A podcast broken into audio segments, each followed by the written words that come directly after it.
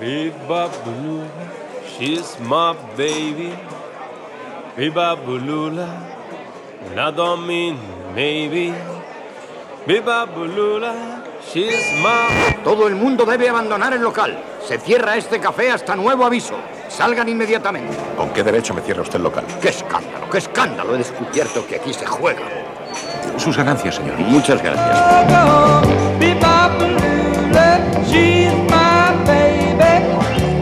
Des de Casablanca, el podcast, no la pel·lícula, comencem la tertúlia del bar d'Enric.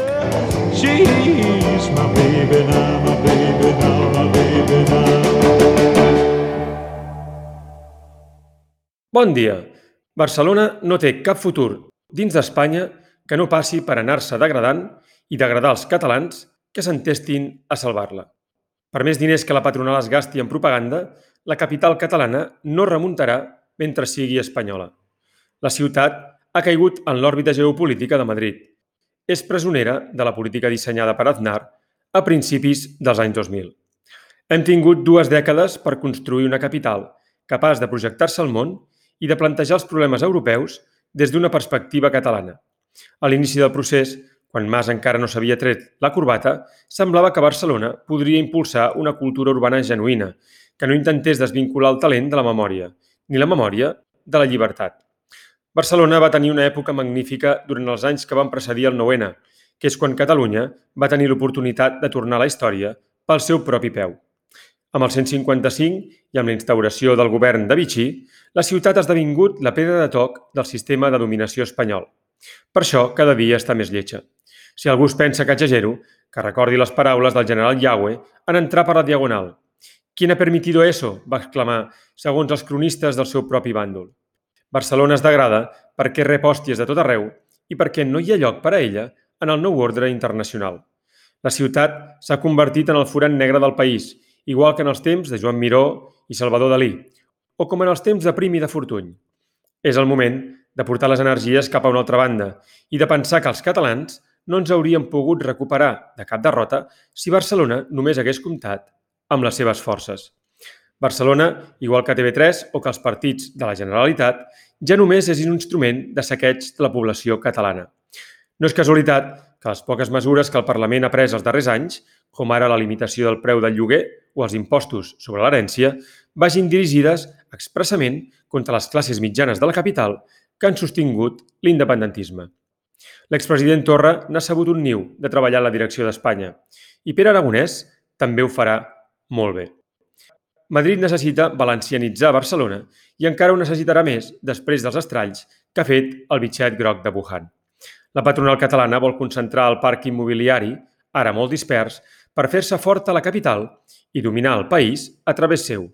Els fons voltors també miraran d'aprofitar la situació per intentar comprar la ciutat ben barata. Els comunistes sempre fan la feina bruta de qualsevol que els dona una mica de poder. La millor sortida és abandonar Barcelona i deixar que els pirates es treguin els ulls entre ells, si és possible, sense vendre res. Es tracta de fer com els russos, que van deixar Napoleó sol a Moscou, però sense necessitat de cremar la ciutat. O com els francesos, que no van tornar l'ànima a París fins que Berlín no començava a ser un solar. Els mateixos catalans es van refugiar a les muntanyes quan els musulmans van ocupar Barcelona al 714, just mil anys abans que els Borbons. Per si algú no ho havia captat, aquest és el missatge que portava escrit al folre la boina de Josep Pla. S'ha de tenir paciència, doncs, i no regalar res a l'enemic. Sempre hi ha coses a fer per millorar el futur. És un moment ideal per reequilibrar el país, per deixar morir les toies i per preparar, en temps, el contraatac. Ramon Gras no hi estarà del tot d'acord, tot i que ell fa anys que viu a Boston. El Ramon es dedica a ressuscitar ciutats, a estudiar per què les ciutats progressen o decauen. A les converses dels darrers mesos hem parlat de models urbanístics i hem fet una mica de filosofia. Avui el Ramon proposarà solucions concretes i jo faré d'advocat del diable. No vull que ningú es pensi que Casablanca s'ha convertit en una mena de promotora immobiliària o que posa les coses fàcils als perdedors. Bona tarda, Ramon. Com estàs? Molt bon dia, Enric. Molt bé.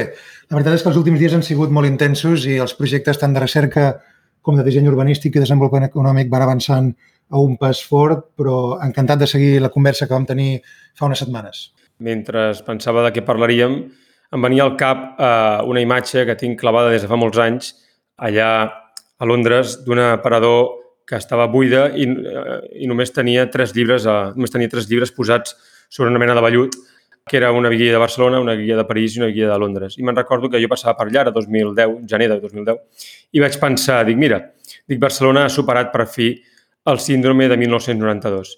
Després, pensant una mica més, vaig pensar, home, 1992 eh, va ser la superació de 1939 Uh, perquè tu abans de 1992 anaves per, pel món i Barcelona era una ciutat que tampoc, algú la coneixia, però tampoc hi havia molta. Uh, el 2010, doncs, semblava que ens havien tret de sobre uh, el Premi de Consolació, que eren les Olimpiades, i semblava que Barcelona podria arribar a competir amb les grans ciutats del món. Fins i tot recordo que en, alguns, en algunes estadístiques, en alguns rànquings d'aquests que feien de ciutats, perquè llavors estava tot això molt de moda, es venia a dir de que Barcelona era potser la ciutat europea amb més projecció o la, o la ciutat en la qual hi havia més executius del món occidental a la qual volien venir a viure.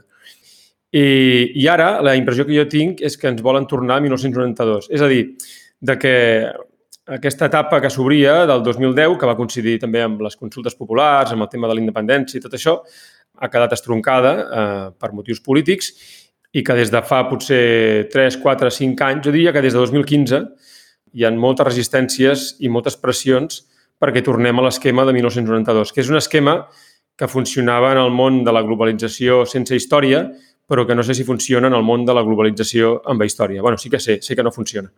Tinc un llibre sobre això. Certament. Doncs eh, el que dius correspon més aviat exactament al que ha succeït tant a Barcelona com a Catalunya en els últims anys i és que essencialment com és natural, doncs, hi havia hagut aquest estancament de l'any 39 en endavant, amb uns primers 20 anys d'una autarquia, d'un nacionalisme espanyol molt obtús, que van portar pràcticament a principis mitjans dels anys 50 la situació al risc de col·lapse fins a l'extrem de que el règim franquista va haver de recórrer un senyor que era afiliat a Esquerra Republicana, com el Joan Cerdà d'Eixeus, per salvar la situació. Vull dir, eh, i, I aquell altre grup de catalans, eh, alguns que venien del món republicà, catalanista, llibertari i tal, i altres que venien del món de l'Opus Dei, no? de, de l'obra, amb una visió més liberal que la dels falangistes, doncs van, van fer algunes gestions eh, mínimes per salvar els mobles i, i no caure doncs, en una situació de, de col·lapse com la que s'ha produït en alguns països. No? Recentment, el cas de Venezuela. No? Una pregunta, perquè tu estàs d'acord una mica que Porcioles també va venir per salvar els mobles? Tu has dit que el, el, el Cerdà venia d'Esquerra Republicana, el Porcioles venia de la Lliga. El Porcioles té uns, uns escrits a l'època de Primo de Rivera dient que el problema de Catalunya a 1714 és que no havia tingut prou consciència nacional i que havia quedat esclafada per la vergonya d'haver perdut, literalment, entre cometes, davant d'una nació inferior a ella. Llavors, la impressió que tinc jo és que una mica Porcioles eh, el que fa és, bueno, és una mica això, és una solució d'emergència per intentar salvar els mobles de Barcelona a través del materialisme, diguem, desenfrenat, és a dir, a través dels diners, ja que no pots tenir l'altre. No sé si tu estaries d'acord amb això, que no se supera una mica fins a les Olimpiades, és a dir. Com és natural, ell venia del món anterior a, a la dictadura i tenia alguns lligams de tipus emocional i cultural previs i, per tant, sí que tenia algunes lleialtats. El que també és cert és que el mecanisme que ell va fer servir era molt vulgar, no? però molt vulgar. Val. I que va permetre salvar els mobles en el sentit de supervivència, però des d'un punt de vista de la qualitat va ser horripilant i monstruós. No? I d'això n'hem estat patint les conseqüències, conseqüències fins, havia, fins ara perquè eh, hi ha hagut aquesta ressaca de 40 anys d'un cert seguidisme. No? Llavors, en els anys 70, quan s'acaba la dictadura, la dictadura i la transició envers el sistema de la monarquia oligàrquica, que permet algunes llibertats individuals, que permet la llibertat d'associació i, per tant, la ciutadania, en un sentit individual i col·lectiu, té una mica més de marge per respirar i una mica més de, de, de possibilitats de llibertat. En aquest camp hi ha un nou impuls renovador. El que passa és que aquest impuls renovador ha sigut híbrid. D'una banda, hi ha un element molt positiu, que això és molt poc conegut, eh, que és important emfasitzar-ho. No? És una part de les millors pràctiques que s'han fet a l'urbanisme en els últims 40 anys a Barcelona, a l'àrea metropolitana de Catalunya, venen en bona mesura, són la recuperació del pla del 1935, que el va fer un enginyer de camins i urbanista català lleidatà que es deia Victorià Muñoz Oms, eh, que el seu net eh, doncs encara segueix en enginyer camins i urbanista també, i que ell va fer un pla ambiciós de renovació que ja preveia, és a dir, ja en aquest pla hi ha les tres rondes hi ha eh, el sistema del que avui en dia en diem l'eix transversal, no? és a dir, l'eix que creua Catalunya sense passar per Barcelona a través doncs, de, de Lleida, la Catalunya interior, Girona, vinculant amb, amb França i la resta d'Europa continental. No? Llavors, una part important d'això va quedar una mica en el congelador eh, durant 50 anys. Llavors, és a principis dels 80 quan hi ha aquest impuls renovador, que jo conec molt bé, perquè el meu pare, que també és urbanista, enginyer de camins, ha sigut directiu i és encara eh, molts anys eh, i, de, i en l'època gloriosa, aquells 15 anys gloriosos, no? on es van fer les millors intervencions urbanístiques dels últims 40 anys, doncs ell era el director a Catalunya de FDC, de Foment de Construccions i Contractes, que era de les grans empreses d'infraestructures urbanes i de construcció de les Espanyes, l'única que és catalana és FDC, totes les altres tenen seu a Madrid, no? Acciona, Uh -huh. ACS, l'única que era d'arrel catalana era FDC. No? Llavors, eh, es van fer una sèrie d'intervencions, en general algunes estratègiques molt bé, híbrid amb aquests altres mm, tendències del desarrollismo eh, ressecós que s'han anat perllongant fins ben entrat al segle XXI. No? Llavors, Un moment, eh, no, un moment, un moment. Llavors m'estàs dient que les rondes de Barcelona que es van fer per les Olimpiades i que va fer Maragall, i que l'eix transversal, que va ser la gran obra de la Generalitat de la primera època, tot això venia de 1935. Venia de la República, sí. Era un pla... Val. Eh, I una, una pregunta. I llavors, curiosament, el primer que es, jo recordo d'aquella època és que es deia que l'eix transversal era massa petit i que les rondes també. Això és veritat o no és veritat? Matem-ho ràpid, eh? Però només és per Sí, no, rapidíssimament. L'eix transversal es va fer a mitges i el que va succeir és que al cap de 15 anys el van haver de desdoblar. Val. Perquè no van ser, van ser menys ambiciosos els anys 80 que el que havien sigut els anys 30. És el que volia sentir. I a Perfecte. les rondes? La- Les rondes eh, les van també infradimensionar i de, i de vegades, com hi ha gent que no comprèn les jerarquies internes dels sistemes de mobilitat, um, es pensava que fer la ronda seria un desastre, que suposaria... Sense les rondes Barcelona hagués col·lapsat. Vull dir, la situació de congestió que hi havia als anys 70 i 80 era insuportable. Era com la que hi havia a Boston als anys 80 i 90, que fins que no es va fer el sistema que es diu del Big Dick, del Gran Túnel, a Boston no va permetre descongestionar i desfer una mica els abusos de centralitat de l'automòbil que s'havien fet als anys 50 i 60 en aquell període de Guerra Freda. No?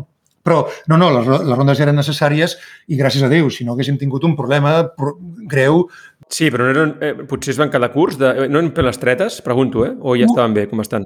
una mica, però el, en el cas de l'eix transversal era molt més evident. Era molt més evident, Val, no? que la capacitat... Sobretot perquè en el cas de l'eix transversal té un índex de vehicles pesants, de, per entendre'ns, de camions, que és d'un Clar. 28-29%, que això és elevadíssim. Normalment els vehicles pesants són un 8, un 7, un 10, no són un 30, no? Llavors, quan tu tens Clar. un sistema que té una dependència tan forta del sistema de mercaderies com és l'eix transversal C25, tu aquí ho has de dimensionar bé perquè, mm, si no, els camions no hi caben, no? Va, molt bé, endavant. Llavors, eh, hi va aquest, aquest impuls híbrid. D'una banda, com havíem comentat l'altra vegada, s'ha construït tant entre l'any 76 i el dia d'avui com entre l'època dels romans, l'any 76, i uh Mhm. -huh. amb aquesta doble vessant híbrida. D'una banda, aquest impuls renovador que intentava bevia, veure de les fonts catalanes de la República i prèvies de la Catalunya prèvia l'any 39, barrejat doncs, amb algunes tendències doncs, del disseny urbanístic, arquitectònic i infraestructural més modernes, que han fet un gran bé, un gran bé i han posicionat de nou a Barcelona al món. No? Això és positiu en termes generals, amb els defectes que es pugui tenir. I de l'altra hi havia eh, un cert seguidisme doncs, d'aquest urbanisme vulgar eh, d'un capitalisme, d'un materialisme molt hobbesià que té les potes molt curtes. El que ha succeït és que eh, als voltants de l'any 2000 es produeix aquest canvi eh, doncs amb l'inici ja de la fase forta de la consolidació de la globalització que havia començat als anys 70 amb l'època de Nixon, no? obrint les portes a la Xina de Mao, a, a l'economia lliure de mercat i amb aquest doncs, eh, pragmatisme cínic de la dictadura totalitària de la Xina entrant en tromba i que això evidentment es va fargant durant 30 anys i en els últims 20 anys eh, hem vist com la Xina ha passat, ha multiplicat per 35 els ingressos per càpita del país. No? Llavors, en aquest context de la globalització i del canvi en l'estructura de l'economia i, i de l'economia del coneixement, hem vist que sobretot en els països desenvolupats com el nostre, les úniques eines que tenim per seguir sent rellevants al món i per competir és la qualitat, perquè no disposem ni de massa crítica ni de població. Què succeeix? Clar. Cap a l'any 2000 hi ha alguns eh, vectors incipients positius a Barcelona i a Catalunya que identifiquen d'una manera prou primigènia aquest canvi estructural que es produeix envers l'economia del coneixement i l'impacte que tindran les tecnologies de la informació molt significativament la intel·ligència artificial, la ciència de dades i el software i la robòtica i s'anti- s'anticipen en aquest fenomen de l'automatització i aquí és on hi ha el Miquel Barceló, urbanista, economista enginyer industrial, on ell proposa, amb el seu amic Pasqual Maragall, doncs, de fer el districte del 22 arroba, no? que és una idea molt Val. brillant, perquè ell veu com Moretti i d'altres investigadors de la geografia econòmica es donen compte de que l'economia del coneixement és l'única que permetrà al món occidental ser, seguir sent rellevant i que hi ha un, un element de concentració geogràfica, que la distribució en el territori de, de les activitats mm, econòmiques no és indiferent, és a dir, que en funció de quin és el disseny urbanístic i de la proximitat eh, geogràfica, física, entre els diferents camps de coneixement, això afavoreix o dificulta la creació de llocs de treball qualificats. Llavors, ell s'anticipa, crea el concepte de districtes d'innovació, ho fa paral·lelament eh, amb el desenvolupament del pla ambiciós cap al voltant de l'any 2000, del 22 arroba, que en el seu moment primigeni tenia algunes idees molt brillants i que després ha sigut mimetitzat. Això què succeeix? Seguir la pròpia evolució del 22 arroba és interessantíssima per anticipar i per explicar per què hi ha aquest fenomen que tu deies al principi, Enric, de que hi havia un, un, un moment d'un cert impuls eh, renovador a Barcelona i a Catalunya a principis dels 2000 que després s'ha paivagat i s'ha mitigat. I és que aquest, aquesta idea inicial és potent, eh, Maragall hi dona suport, i eh, en, el, en els primers anys ells estableixen una sèrie d'estàndards de, eh, de qualitat en l'element urbanístic infraestructural com a les activitats que s'han de desenvolupar que estan ben pensades, no? que tenen alguns errors però que en línies generals és prou brillant. No?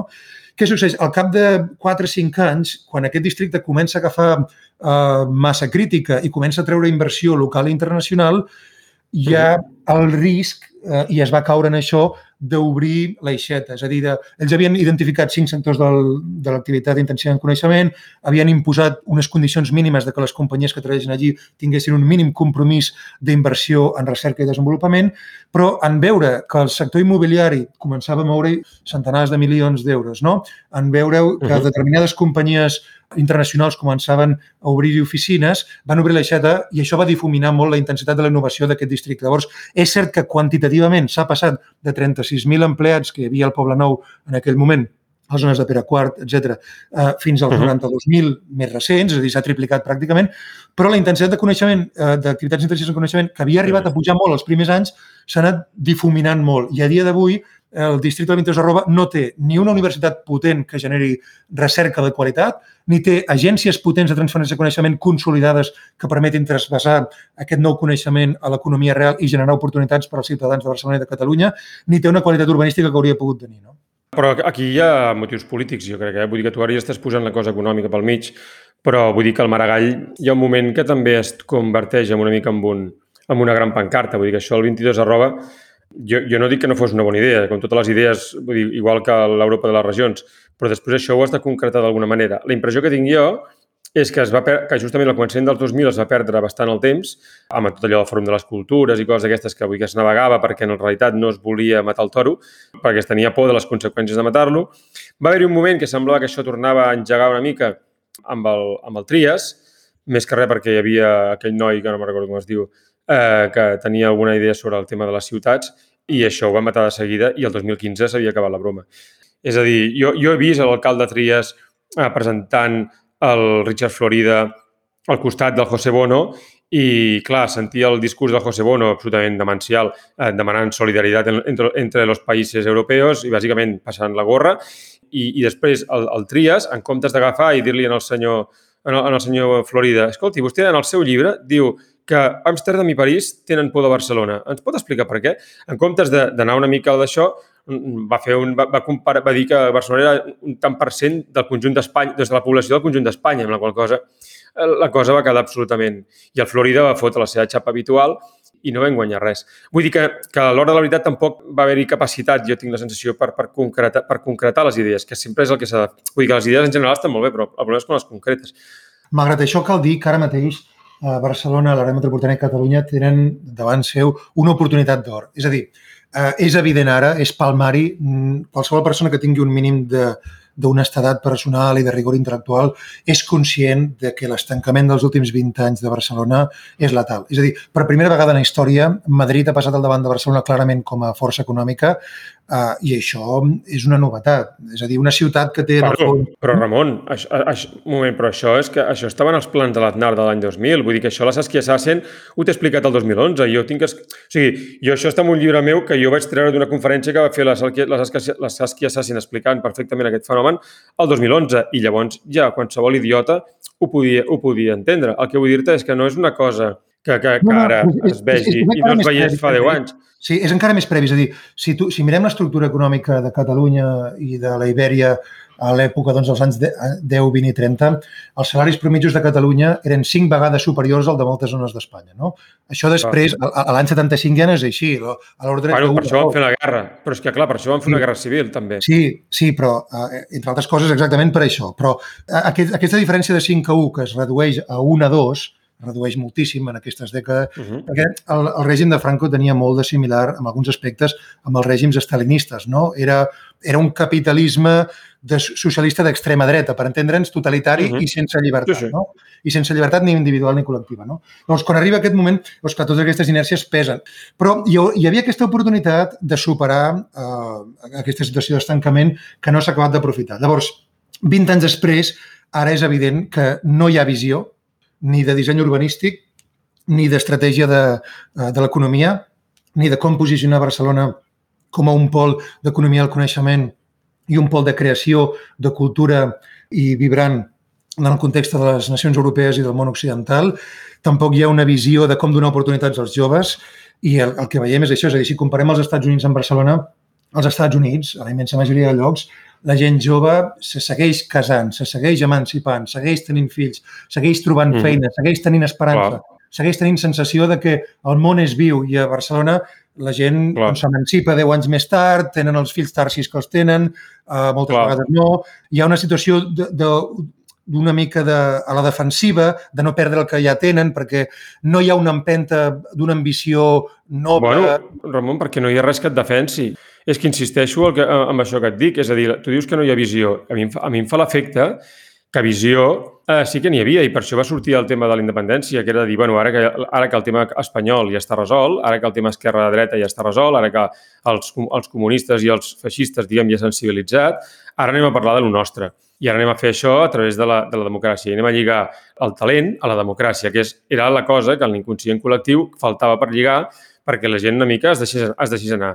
I l'hòstia, la bufetada ha sigut, ha sigut bestial. Jo, a la campanya del 2015, recordo que vaig fer un argumentari pel Trias, perquè m'ho van demanar, m'ho van demanar, eh, sobre les avantatges que tindria una Barcelona capital d'estat. Van triar el dossier de la igualtat.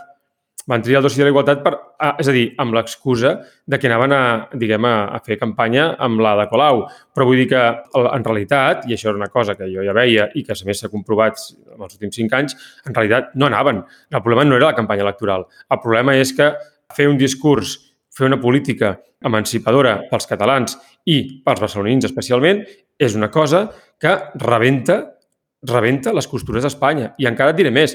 Als anys 30 la Lliga parlava de Barcelona com el Nova York de, com el Nova York de la Mediterrània. Això, aquesta idea mateixa, jo recordo haver-la recuperat amb gran èxit diguem, amb gran èxit eh, pels meus entorns, en, en un moment determinat, era una cosa que sonava possible. S'ho han patat, s'ho han patat absolutament. Mm, I et posaria més exemples. L'August Rafanell va fer aquell llibre que es deia La il·lusió occitana, que en el fons el que feia era dibuixar un espai cultural en el qual Barcelona no deixava de ser el centre. Bé, ell, jo no, soc, no, no és cosa meva explicar-te les represàlies diguem, sí. que va patir a causa d'aquests dos llibres que tots junts fan mil pàgines i que no és una cosa que es pugui dir que està poc treballada i poc documentada. Vull dir que, que no és que els polítics no tinguessin les eines a la mà per tal de fer els discursos i les polítiques necessàries o acostar-se a un ideal de política que pogués portar cap aquí, sinó és que directament això fa terror, perquè això porta problemes, porta més problemes que fer un referèndum. Discrepo un part, eh? et diré per què. És a dir, um, Ah. sí, que hi va haver, sí que hi va haver um, un efecte doncs, d'unes noves generacions amb unes idees fresques que ja no tenien totes aquestes tares i tenien una mica més de marge. Però el cert és que l'entusiasme no va anar unit a la preparació. I com no va anar unit a la preparació i al coratge, són, les tres coses són necessàries. Eh? És necessari que hi hagi un component eh, analític, racional d'intel·ligència, és necessari que hi hagi un component d'acord, de voluntat i de valors, i és necessari que hi hagi un component de coratge i de responsabilitat i de capacitat de resistir els embats, perquè la vida és dura i ho sabem, no? Sí, però tota la gent preparada i entusiasta, l'entusiasme se'ls acaba quan venen aquí. Vull dir que tu estàs a Boston, el Graupera venia molt entusiasme i mira on està. Jo t'ho dic perquè seria molt perillós diguem, de caure en el discurs de, de no, no, és que no hi ha talent o és que, o és que el problema ja el tenim nosaltres. Vull dir que aquí hi ha, un, hi ha, hi ha una situació No, no, no, però no, no, no, delicada. no, no, no talent, eh? Sí, no, dic, dic Val, que, val, val. No, no, però o, o, no, o no hi ha talent o, diguem, la culpa és nostra. Jo dic que, ho dic perquè s'ha d'explicar bé les estructures, perquè vull dir que aquí vens i et fonen si no, aguant, si no tens una resistència. Que jo crec que, no és, que això no és excusa, eh? però m'agra- m'agradaria, diguem, dibuixar molt bé la línia perquè no sembli que això està passant només perquè aquí tu i jo tenim raó i els altres són imbècils. No, no, hi ha una situació de violència latent que fa que a totes aquestes idees tingui un, un preu molt car, S'ofeguin, s'ofeguin. s'ofeguin Però- perquè tinguin un preu molt car d'implementar-se. Les estructures, les estructures certament afavoreixen o dificulten que les persones es puguin desenvolupar com a tals, individual i col·lectivament. No? I en el cas nostre, mm, les estructures són de tipus oligàrquic i això és així. Llavors, què vol dir? Que quan hi ha una situació d'estancament en un sistema que no afavoreix i que, per tant, permet el cinisme, és a dir, hi ha hagut una consolidació difusa en la societat occidental i, naturalment, la catalana, d'un hobbesianisme, de les idees de Thomas Hobbes, eh, en el qual tota persona um, no? les persones se senten com si fossin individus aïllats en un sistema d'àtoms de Demòcrit, tota persona està en competència constant amb tota la resta, no, no tenen res en comú, no és el potencial amic o el company o la teva futura dona o tal, sinó que tots són enemics, que tothom competeix amb tothom i, per tant, hi ha una vi- violència latent que és monstruosa, això, no? i que, a més a més, va en contra dels valors de la nostra cultura. Llavors, això, això ha anat calant d'una banda. De l'altra, des d'un punt de vista de l'estructura econòmica, siguem honestos. És a dir, les, bona part de les grans companyies catalanes no són innovadores, tenen una estructura interna molt opaca i molt oligàrquica. Les companyies noves de tipus startup, tecnològiques, innovadores, que s'han fet els últims anys, s'assemblen molt a les dels països en desenvolupament, sobretot de Llatinoamèrica, doncs de Colòmbia, de, de, potser d'Argentina, de, de, de, de, de, zones de Mèxic, eh, però no estan al és, nivell. és, la- és, la- jo, et recordo que eh, Abel Cotillas té una frase molt famosa, bueno, famosa per mi, diguem, del seu llibre, justament que va sortir quan vaig treure el llibre del Pla, no com era allò, que els argentins ens roben les nòvies. El que vull dir-te és que Barcelona, això que tu m'estàs dient que tenim un sistema que s'assembla molt a Sud-amèrica, bueno, és que tu mira quina mena de gent es contracta des de l'Ajuntament, no ara, eh?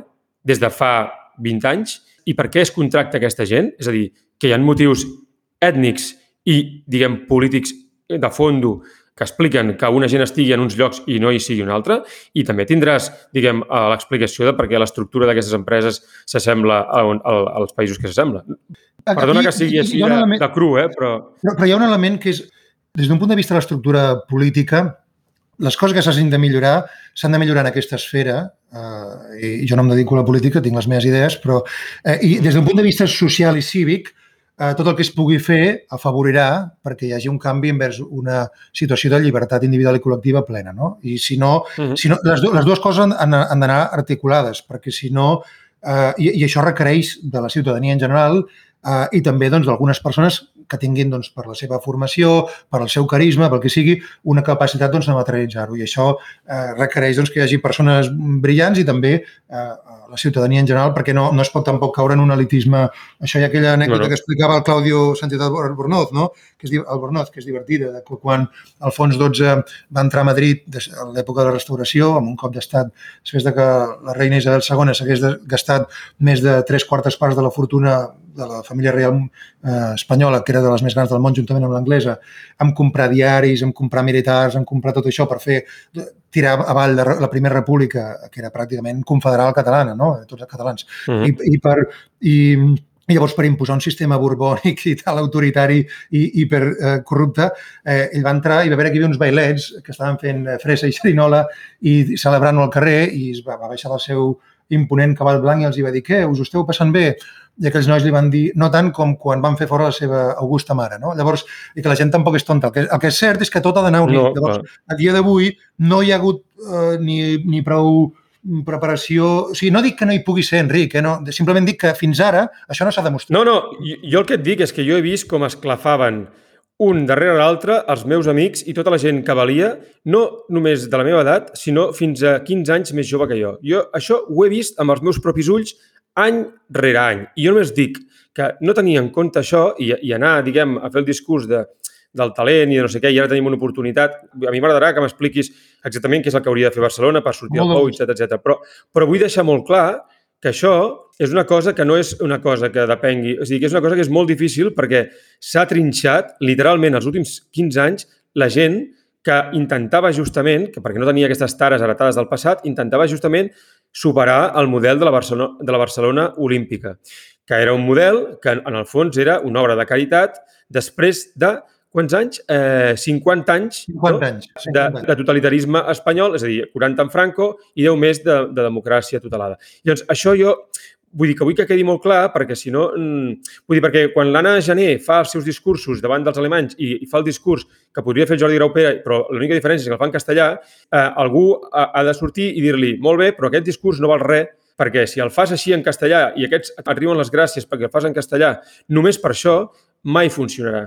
Si no hi ha una presa de consciència molt seriosa molt seriosa de que Barcelona necessita unes estructures democràtiques i, necessita, i que no pot tolerar de cap manera la imposició espanyola, si és que aspira a treure el cap en els propers do- do- 200 anys, si és que aspira a treure, a treure el cap en l'Europa que ve, si, si no hi ha una consciència, molt, una consciència molt clara d'això, farem molts discursos, però d'aquí 10-15 anys ens trobarem molt pitjor que ara i aquests discursos que haurem fet no hauran servit per res, perquè això ja ens ha passat altres vegades. És a dir, quan va passar això que tu dius amb aquests, amb, amb, amb aquests bailets, doncs Alfons XIII va venir aquí, va venir a visitar el Gaudí, i Gaudí no va canviar d'idioma. Però d'aquella Barcelona, què n'ha quedat? N'ha quedat Gaudí i uns quants més que no van baixar del burro. Però vull dir que ja sabem tots el que va passar després, no? Sí, si tu t'agafes l'arc l'arc històric, vull dir que la guerra civil no és una cosa que, que es fes, no és una cosa, diguem, que es forgés de l'any 30 a l'any 36. És una cosa que es fa a foc lent. Jo, jo ho dic perquè, perquè si no, totes les coses que anem dient aquí després em, seran, vull dir, seran molt boniques però no, i generaran molt d'entusiasme, però no resultaran res. Crec, eh? Aquí hi, ha, aquí hi ha dos aspectes. Eh? D'una banda, hi ha un corrent que juga a favor nostre. És a dir, aquest corrent que afavoreix el dinamisme eh, de les xarxes i que, d'alguna manera... Fixa't que, per exemple, les escoles de negocis, que és una cosa molt del segle XX, que es va inventar aquí a Harvard i que eh, es després ha replicar arreu de tot el món occidental i del món, és una cosa molt del segle XX. Les universitats estan eh, evolucionant cada cop més envers eh, programes de- d'especialització de, de gent que puguin ser líders en projectes de disseny interdisciplinar, perquè aquella cosa de passar de- doncs, d'una reglamentació de l'exèrcit a una reglamentació de les grans corporacions ja no dona més de si. Ara Mhm. cal tornar una mica a aquell model més doncs, dels tallers, no? doncs, de com Rafael Sanzio, que tenia el seu taller doncs, de pintura i d'arquitectura, sí, més artesà més artista, on la, on la contribució individual compta i on aquella visió més més anonimitzada, que es va caracteritzar en aquella pel·lícula de- d'American Psycho, que feia una mica una paròdia de, dels llapis dels anys 80, no? que estaven totalment despersonalitzats, on tota la pel·lícula, perquè aquí hi ha un, un error, que la gent es pensa que era una pel·lícula de terror, una pel·lícula d'humor que Mhm. se n'enreia de- de- d'aquest materialisme vulgar dels anys 80. No? I llavors, totes les bromes de la pel·lícula són que s'equivoquen amb els noms d'uns i altres perquè tots vesteixen igual, es diuen igual, no tenen personalitat, eh, no tenen cap mena de, de, de jo irrevocable eh, i, i per tant, Clar. eh, no tenen cap element genuí. I això és el que explica molt bé d'un dels pensadors, que, dels pocs que han resistit de la famosa escola de Frankfurt, la majoria han passat molt malament el, el, no han resistit no? el, la, la criba del temps eh, i perquè doncs, era una gent d'una determinada cultura amb un trauma per, eh, específic de, doncs, de la seva gent que s'entén i que no, no, el podem, no, el volem just, no el volem jutjar però que, que no es pot fer d'això un fet universal perquè la realitat és més complexa que això. No? L'únic de tots aquests que sí que va resistir millor el pas del temps és Eric Fromm, que té dos llibres magnífics. Un és La por a la llibertat, eh, on explica els mecanismes de, de, de de la personalitat i dels valors, no? Eh, tant en els sistemes totalitaris com en els sistemes que permeten la llibertat, no? en els dos, i agafa específicament el cas de l'Alemanya nazi i del sistema stalinista per al cas dels totalitarismes, i agafa el sistema americà per al cas de les ciutats, societats que hi ha llibertat o hi ha un sistema democràtic o, o, o pràcticament eh, eh, dem democràtic, um, i l'altre que és l'art d'estimar. No? I eh, una de les Exacte. conclusions principals d'aquests llibres és que el gran repte de l'home modern del segle XX i XXI um, és recuperar una cosa que els altres donaven per feta, que és el ser genuí. No? És a dir, els reptes d'etapes anteriors en la història hi havia els reptes doncs, de la supervivència, de defensar la teva casa, de, de la teva tribu, a la teva família, de poder menjar, de poder tenir una formació mínima per tenir un ofici, el que fos, o Clar. tenir una mínima propietat privada doncs, per poder-te defensar, o, o un sentit doncs, de col·laboració amb el gremi o amb el sindicat o amb el que fos, i el, i el, el repte d'avui en dia, on la gent més o menys ja cada cop tendeix més a viure 80 anys com a mínim i té unes condicions mínimes de possibilitats d'estudis i de més, és el que no se't trituri l'ànima. No? Llavors, el ser genuí... Fixa-t'hi Mhm. fixa quina, mena, fixa quina mena de motllo estan creant ara a través de la política a Catalunya, amb la complicitat de tots. Estan creant un motllo d'individu petit, ridícul, estrafet. Fixa-t'hi. Vull dir, el que vull dir-te és que, que tot això és veritat, això que estàs dient, i, i anem cap aquí, però els altres també treballen. I és per això que t'ho deia, eh, tot això. Vull dir, tu Però hi, ha, fixa't però hi ha un avantatge, eh? quina mena, quina mena de simbologia... No, no, sí, sí, i després una altra... Jo només dic dues coses. Fixa't quina mena de motllo cultural, de motllo individual estan creant de, a, a Catalunya, eh? Quin s'està creant a Catalunya, no al món, no a Europa, que és una altra cosa més complicada i que hi ha lluites a Catalunya de manera molt específica a través de la Generalitat, a través dels mitjans de comunicació i a través dels polítics. Fixa't quina mena de motllo d'individu genuí que dius tu s'està creant i després pe- pensa una altra cosa. Ja et faig d'advocat del diable. Pensa que el modernisme és possible justament per això que tu estàs dient. És a dir, el modernisme és un moment en què conflueixen aquest know-how, aquesta... La, la modernitat ha de deixar endarrere tota una sèrie d'elements de la- de l'edat mitjana eh, per poder seguir endavant. I Catalunya queda, en, queda diguem, endarrere, perquè per unes guerres i queda endarrere. Hi ha un moment que Europa mira enrere i sempre hi ha moments en què la modernitat mira enrere per tornar a agafar elements del passat i actualitzar-los i utilitzar-los de benzina per anar endavant. Um, això, en l'època aquesta en què tu dius que hi havia aquests bailets que es van parar davant de la reina i li van dir això, de que estaven molt, que XII. estaven molt millor... Ai, perdó, davant del rei, que, que, que es passava molt millor fent fora. En aquella època, què és el que, va- que estava començant a passar a Catalunya? Com que estàvem ja sortint de 1714, ja feia molt de temps, i tota aquesta herència, aquesta, manera, aquesta herència medieval eclosionava i va donar peu al modernisme i aquesta Barcelona, diguem, que era capaç de competir en alguns aspectes en Viena o en París, en aspectes artístics, etc etc. Molt bé. Ara estàvem en una època semblant, és a dir, veníem aquests anys 2000, del 2005 del 2000, o del 2000 al 2020, una mica estàvem en una situació bastant semblant, en què l'impuls de la modernitat s'estava esgotant, a Europa i, i a Occident podia començar a mirar enrere, el, alguns valors de l'edat mitjana nosaltres podríem recollir de manera més genuïna que en altres llocs i donar-los un impuls i aportar-los a, a, la, a la idea de modernitat occidental i hem ensopegat amb les nostres pròpies d'això. I ara, això que tu estàs dient que està passant i que passarà, i estic d'acord, eh, bueno, ho- tenim més difícil per, això, per totes aquestes coses que t'estic- que dient, perquè hi ha hagut una interrupció dels fluxes de transmissió del coneixement. És a dir, per exemple, Eric Fromm, saps qui me'l va presentar a mi? Qui? Macià Lavedra. Vull, ho vull remarcar molt, això. Jo, Eric Fromm, el vaig llegir gràcies a Macià Lavedra. El que vull dir que Macià Lavedra era el que m'explicava a mi com era Pompeu Fabra, com era, com era Pau Casals i com era Venturi Gassol i com era aquest de més enllà. No que em, deia quin llibre ho havia de llegir, sinó que m'ho explicava de viva veu a través de, de, de la seva memòria, dels seus pares, etc etc. És a dir, era un vincle que jo tenia amb la Catalunya anterior a la guerra, perquè la, la, la que podia tenir a través dels meus pares doncs era, més, era més prima. Llavors, aquesta transmissió del coneixement que s'havia donat i que eclosiona amb les consultes i que eclosiona amb aquest salt que Barcelona fa de coneixement, eh, perdó, d'importància, diguem, de, de força i de, i de, i de, i de, i de convertir-se en un pol que va més enllà del turisme, que va més enllà de, de, de les Olimpiades, diguem, eh, aqu aquesta mena de confluència d'energies que li donen a Barcelona una aire que la fa semblar una ciutat amb molt de futur entre l'any 2005 i l'any 2015, això ho han desbaratat i ho estan desbaratant. Per això vull posar això sobre la taula i que totes les aportacions que tu hagis de fer sobre el que hem de fer tinguin en compte aquest element, perquè si no, no, no funcionarà. M'explico què vull dir? coses que he vist és que quan nosaltres fem projectes doncs, a diferents ciutats dels Estats Units o d'Europa o del món, un dels elements que és molt revelador eh, quan treballem amb clients o amb diferents agents és que sovint ens trobem que amb la seva casuística, la seva problemàtica local, la que sigui, solen venir amb un munt de, de tares i de prejudicis sovint amb molt poca justificació al darrere. No? Un dels avantatges que té aquesta comprensió que uneix l'art i la ciència en l'urbanisme és que ens permet, en l'element de diagnòstic i d'anàlisi territorial, desfer mites, eh, fer una aproximació realista i ambiciosa a la realitat identificar oportunitats per fer millores estratègiques i llavors fer-hi intervencions de disseny que canviïn eh, la, la situació. Hi ha un munt de casos d'estudi, més a més, que ho permeten revelar. No?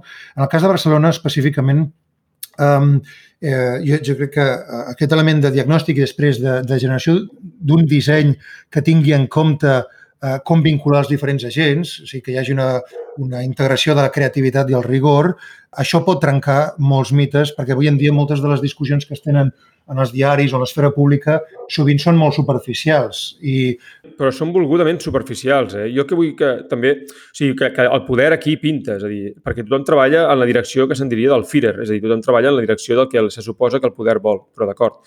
No, no, Llavors, és, llavors una... ara, ara què tenim? Que tenim que hi ha una situació d'una Barcelona saturada en què, clar, encapsulada entre el mar i la muntanya, els dos rius, amb un nivell de densitat notable i amb relativament poques àrees de creixement futur, hi ha eh, un, alguns problemes d'accés a l'habitatge notables i hi ha un problema de l'economia evident. És a dir, els salaris són una tercera part del que són a les ciutats més dinàmiques d'Occident, l'atur estructural és del 15 o del 16, no és del 2 o del 3 com als països i les ciutats realment dinàmiques i avançades i que afavoreixen el talent i, per tant, s'ha de trencar, s'ha de trencar eh, aquest estancament. Eh, què queda ara? Tenim unes quantes bosses en el qual l'oportunitat que tenim és de llegir el territori amb gran cura i gran delicadesa i gran rigor i fer intervencions molt ben pensades. Si això es fa així, se li pot donar la volta a la situació i es pot generar un nou cercle virtuós, si tu vols.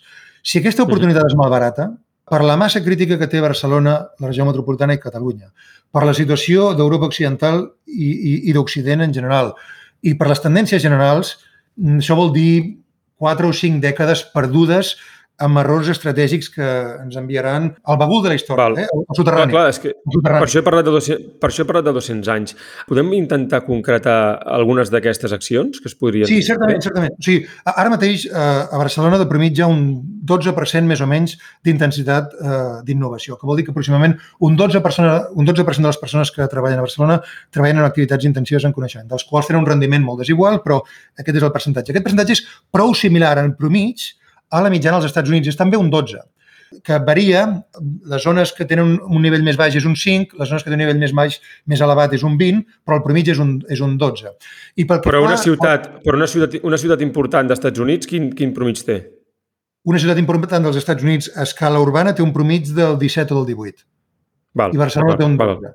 Sí. val. Llavors, uh, i dins d'això, internament, uh, hi ha àrees específiques que hi ha una concentració d'activitat en coneixement més elevada que ens genera uns factors multiplicadors, no? que nosaltres els hem mesurat. És a dir, quan hem analitzat tot el territori dels Estats Units, que són 270.000 observacions al llarg de més de 20 anys i quina ha sigut l'evolució, veiem que hi ha un efecte multiplicador. És a dir, que quan tu fas un esforç d'incrementar aquest percentatge per entendre'ns, del 12 al 14, no estàs pujant només un percentatge, un, sinó que es multiplica, no? i que la, la distribució de- d'innovació és l'oc normal, és a dir, és més o menys distribuïda la majoria entre un, un 5 i un 20, però l'efecte multiplicador d'aquest grup petit que, que creen nous productes, nous processos, eh, patents, articles científics, noves creacions, llibres o capítols de llibre, projectes de recerca i desenvolupament, l'efecte és multiplicador, perquè quan tu dupliques la intensitat d'innovació i, la- i ho concentres geogràficament, amb àrees en proximitat geogràfica de persones que puguin col·laborar, el número d'invencions per càpita per empleat es multiplica per 4.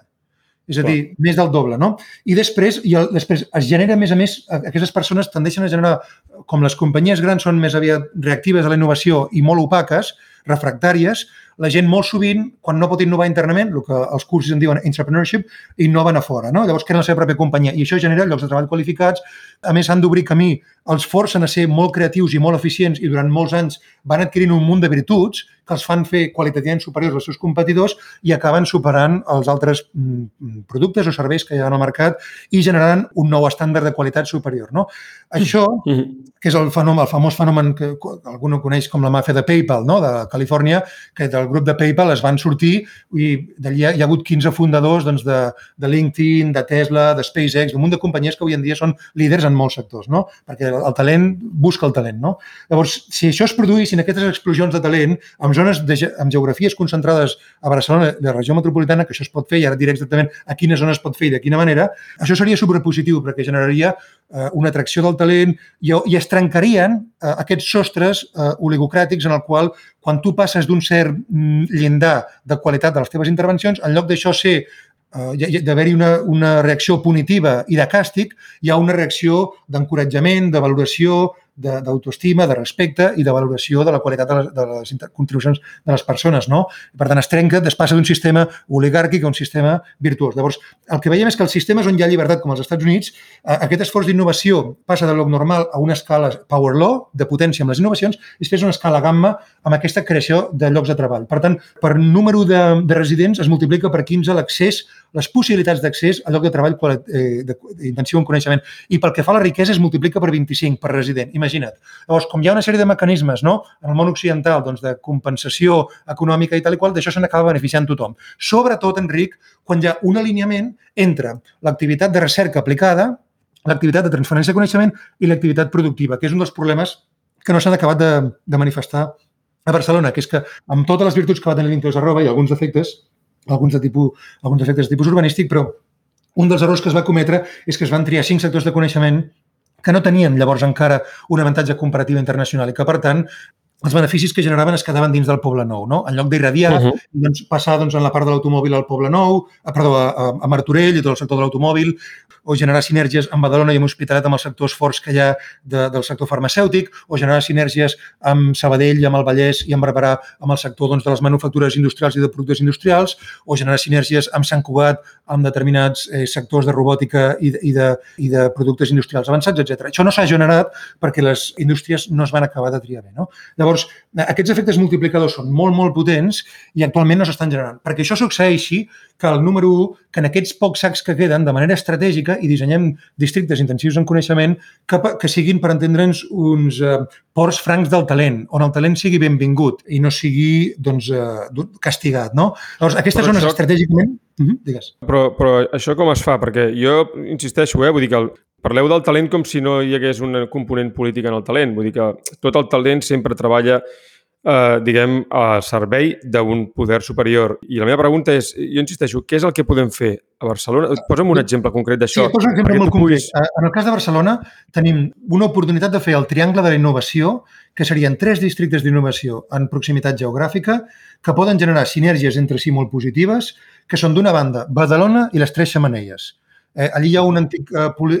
entre la zona del polígon Sud i Can Ribó són 67 hectàrees, si, si sumem el polígon del Sot són 85, actualment doncs, amb una situació de semidesenvolupament, eh, i en aquesta àrea actualment hi ha eh, 54 subindústries que són competitives a nivell internacional.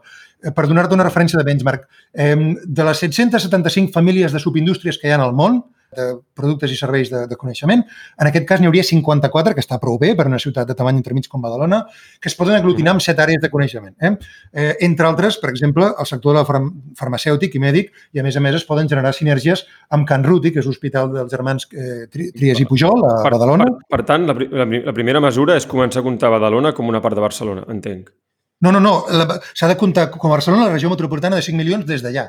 Val, Des val. Però des d'allà és això, això és una, és una decisió política. Clar, llavors, i avui en dia doncs, les- les distribucions administratives com a molt es queden amb els 36 municipis de l'àrea metropolitana i a més a més tampoc estan integrades perquè ni pel que fa al transport ni pel que fa a l'economia encara hi ha, és una mica un, hi, ha, hi ha una disparitat de criteris molt gran. Clar, No? però, però és que aquesta, aquesta, aquest era un dels temes que s'havia d'afrontar si es feia el discurs de la Barcelona capital d'estat. Eh? Vull dir que, que és una cosa que estava més enllà de si fas o no fas independència. El que vull dir-te és que això són decisions polítiques. Si, no, si això que tu em dius no acompanyes de decisions polítiques que, que portin cap aquí, no sé tampoc com, ho- com ho pots implementar, eh? però d'acord. M'explico el que vull dir no? D'una banda, un marc eh, d'anàlisi i d'intervenció de disseny al territori que sigui de regió metropolitana, dels 5 milions, número 1. No?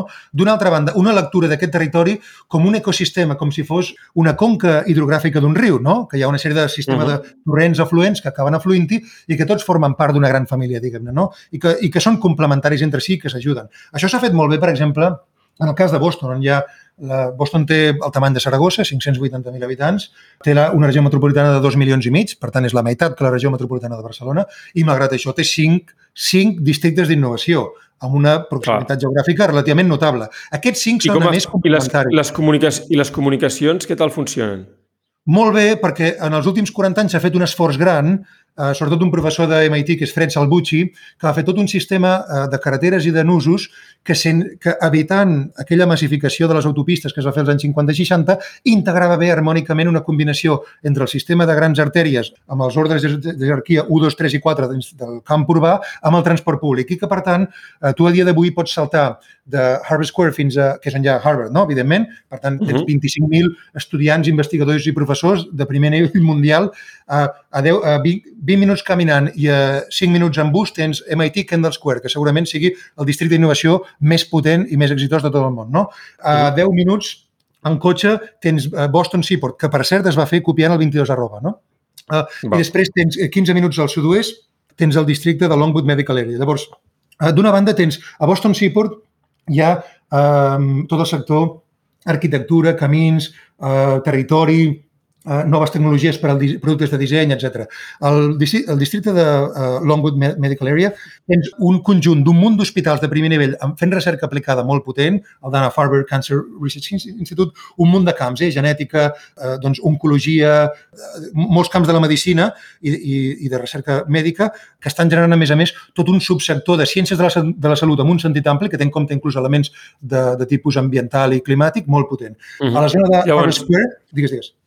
No, no, i llavors, la- jo aquí, aplicat aquí a l'àrea metropolitana, quin és la, o sigui, com, com ho fem per desfer aquests usos de llavors, comunicació? Per acabar molt breument, a, a, en el cas de MIT, Mhm. evidentment, hi ha dos sectors que són ciència de dades, intel·ligència artificial, després enginyeria i de l'altra farmacèutica, que són molt potents, i en el cas de Harvard també té els seus subsectors eh, on, on són líders mundials. No? I tots ells es complementen. En el cas de Barcelona eh, tenim, d'una banda, aquest triangle de la innovació que pot ser, número 1, Badalona és Tres Xamanelles. Per tant, Badalona i les Tres Xamanelles i Sant Adrià del Besòs s'han de considerar com una part integral fonamental, a més a més molt propera, de la regió Val. de Barcelona i propera a Barcelona. Val. El segon gran pol, el segon, el segon gran... I és, un, I és una zona que actualment té, per entendre'n, 6.500 empleats, però que el dia de demà podria arribar a tenir 18, 20 o 22.000 i tenir un nivell d'intensitat d'innovació superior al 50% si es fan les coses com Déu mana. No?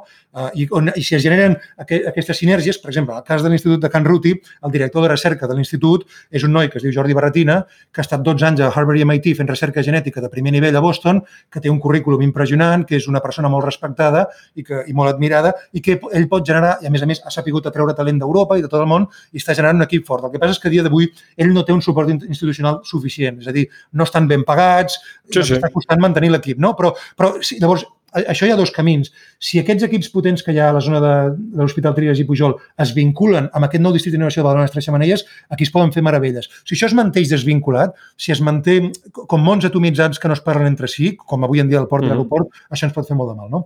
Un altre camp Va. molt potent a desenvolupar és tot el sector de la Sagrera i el Bon Pastor. Allà tenim tot un conjunt de polígons industrials mig en desús, mig, que s'han de redissenyar completament i transformar-los en sectors intensius en coneixement amb els sectors propis de la zona, on hi ha, eh, i entre altres, si vol fer l'economia circular i l'energia, però n'hi ha d'altres, eh, de manufactures avançades, de disseny, etc.